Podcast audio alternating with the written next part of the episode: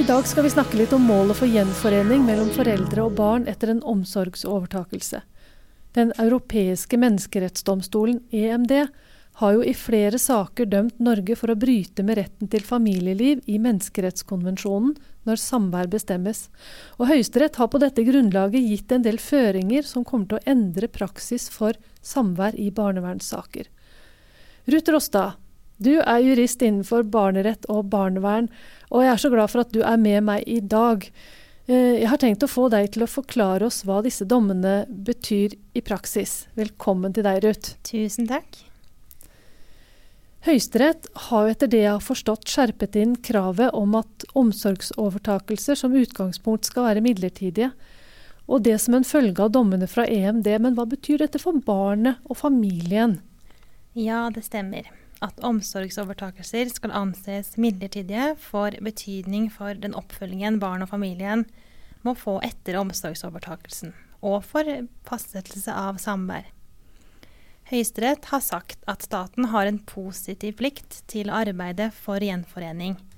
Ellers kan det være brudd på retten til familieliv etter menneskerettskonvensjonen, EMK, e artikkel 8.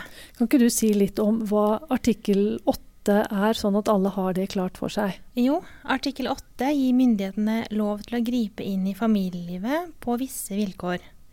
Det som har vært gjenstand for kritikk, er om inngrepet i familielivet har vært nødvendig for å beskytte barnet. I vurderingen har vi ikke i tilstrekkelig grad vurdert de ulike hensynene opp mot hverandre. Hensynet til barnets beste opp mot hensynet til familiens rett til enhet og respekt for sitt familieliv. Ja, altså så Artikkel 8 har vi ikke vært gode nok. Men kanskje du kan si litt om hva det er som kjennetegner de sakene der Norge har blitt dømt? Mm. Stort sett så har det dreid seg om saker som har begynt med hastevedtak. Og etter at det offentlige har tatt over omsorgen, har det blitt bestemt eh, veldig lite samvær. Vanligvis eh, tre til seks ganger i året av én til to timers varighet. Det har vært en liten mulighet for foreldrene til å opprettholde kontakt med barna sine, og begrenset mulighet da til å vise at de har endret seg, slik at de kan ta vare på barna igjen. Ja. Og I tillegg har barnevernstjenesten brukt manglende familiebånd som grunn til å gjennomføre ytterligere tvangstiltak, som adopsjon, ofte mens barnet fortsatt er lite. Men dette med målet om gjenforening eller tilbakeføring, er det nytt i forhold til tidligere praksis? Begrepet gjenforening er nytt, men vi har alltid hatt regler om eh, tilbakeføring. Gjenforening er et mer positivt lada ord, um, og det kan knyttes opp til en, eh, en, mer aktiv plikt til å gjenforene barnet med foreldrene. Ja. Og det er i motsetning til tilbakeføring, som ofte har blitt startet ved at det er foreldrene som eh, har bedt om det. Men betyr det at barnevernet ikke lenger kan liksom lene seg tilbake for å vente på at foreldrene ber om tilbakeføring? Ja, det betyr at barnevernet fra dag én må jobbe aktivt med foreldrene for at tilbakeføring skal kunne skje. Vi har i dagens lov en eh, bestemmelse som sier at der hensynet til barnet ikke taler imot det, kan barnevernet legge til rette for en tilbakeføring. Men, det, men, denne bestemmelsen har i for liten grad blitt praktisert sånn at det har vært en plikt fra barnevernet til å aktivt jobbe for å føre familien sammen igjen. Akkurat, så den bestemmelsen som vi har i dag, den har egentlig vært litt sovende? Ja, vi kan godt si det.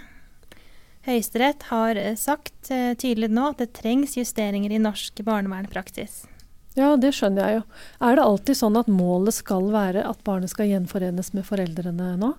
Målet eh, om gjenforening er alltid utgangspunktet, men eh, det kan og, og, må gjøres unntak dersom foreldrene er særlig uegnet, eller det har gått betydelig tid siden omsorgsovertakelsen, kan fylkesnemnda eller domstolen etter en konkret vurdering komme frem til at gjenforeningsmålet ikke er mulig.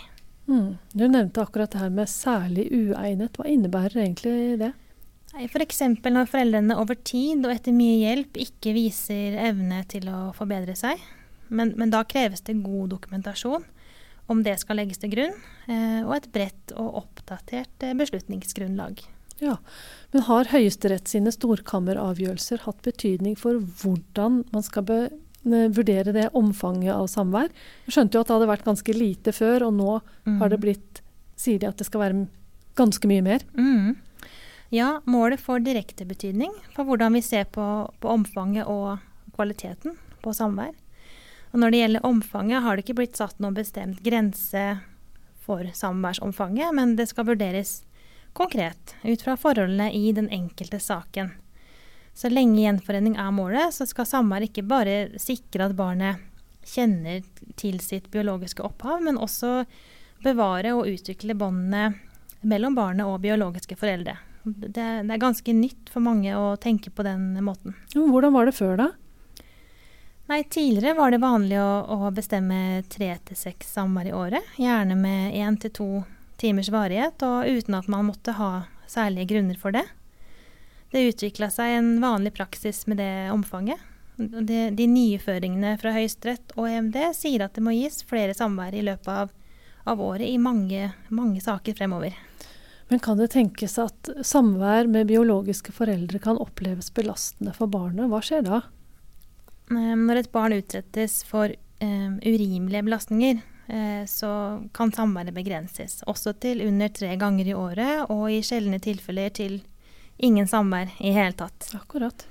Eh, barn som har opplevd omsorgssvikt, um, kan oppleve det som uh, retraumatiserende å ha samvær. Mm.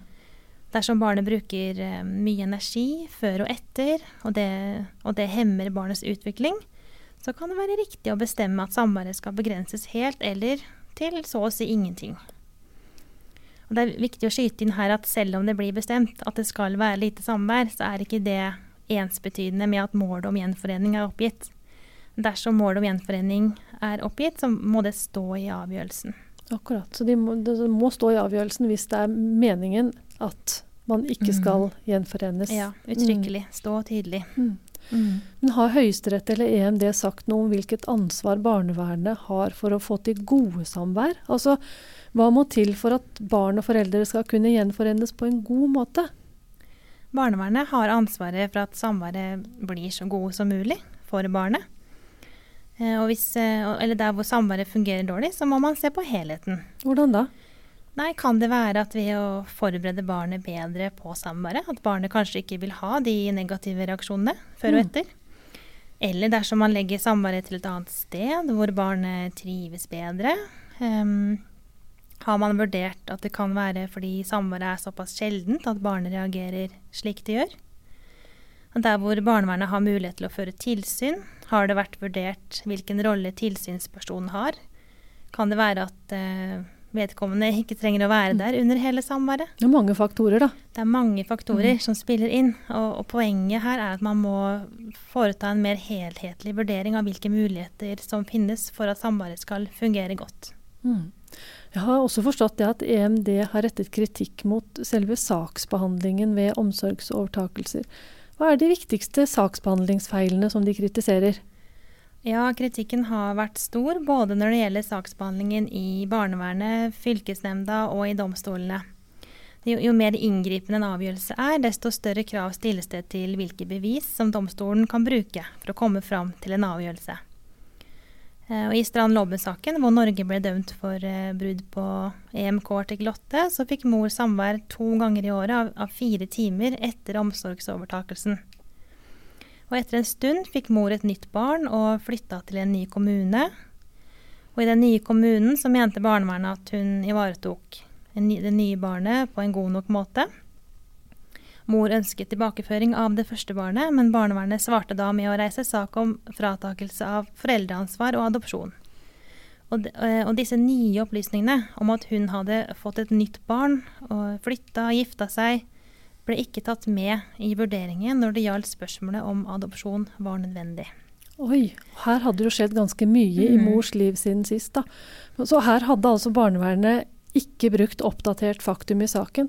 For det er jo, Riktig faktum er jo helt avgjørende i all juss, og kanskje eh, ikke minst i barnevernssaker.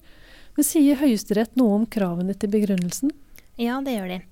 I den enkelte sak må avgjørelsen bygge på et tilstrekkelig bredt og oppdatert beslutningsgrunnlag. Altså ikke sånn som i Strand Lobben-saken? Ikke sånn som i Strand Lobben-saken, mm. helt riktig. Um, det innebærer at nye, nye, opplysninger må vurderes. Eh, gamle sakkyndige vurderinger må erstattes med en ny og oppdatert. Og dersom barnevernstjenesten mener at barnet ikke bør ha hyppige samvær pga. f.eks. barnets sårbarhet, så må det, må det stå hva denne sårbarheten innebærer. Hvordan gjør man det, da? Nei, Man må rett og slett beskrive barnet slik det er. Ja. Dersom det har skjedd faktiske hendelser, skriv det ned. Um, så det må, det må, forklares hvorfor sårbarheten gjør at det ikke bør være samvær. Uh, og sist, men ikke minst, en begrunnelse må også inneholde hva konkret barnevernstjenesten har gjort for å muliggjøre tilbakeføring. Mm. Også ganske klare føringer om begrunnelsen. Og så har du nevnt en del om vurdering av hva som er barnets beste i løpet av denne samtalen, Ruth. Er det sånn å forstå at barnevernet ikke har gjort tilstrekkelige barnets beste-vurderinger? Ja, det stemmer. Bevaringen og utviklingen av barnets biologiske bånd til foreldrene og søsken har ikke vært tatt nok hensyn til i, i barnets beste-vurderingen. I adopsjonssaker så har f.eks. ikke det tapet barnet kan oppleve på sikt ved å miste all kontakt med foreldre og søsken, vært en del av vurderingen. Og det har høstet stor kritikk. Ja. Barnets beste-vurderingen i tilknytning til gjenforening er også barnets eh, selvstendige rett til å ha mulighet til å gjenforenes med biologisk familie. Vi må huske at saker i barnevernet er veldig forskjellige, og det som er kritikkverdig, er at mange saker har blitt behandla likt. At det har utvikla seg en slags eh, norm på samvær, standardiserte vedtak, og at det mangler hvilke hensyn som er lagt til grunn i de mest inngripende avgjørelsene. Mm, det var ganske interessante saker det du tok opp uh, her i dag, Ruth. Tusen takk for at du klarte å gi oss en god oversikt over hvordan disse dommene i EMD vil påvirke norsk barnevernpraksis videre. Da tror jeg at eh, vi sier takk for oss for denne gang. Det har også vært Lisbeth Storvik Jacobsen og Ruth Rosta i studio. What you, what you want? What you, what you want?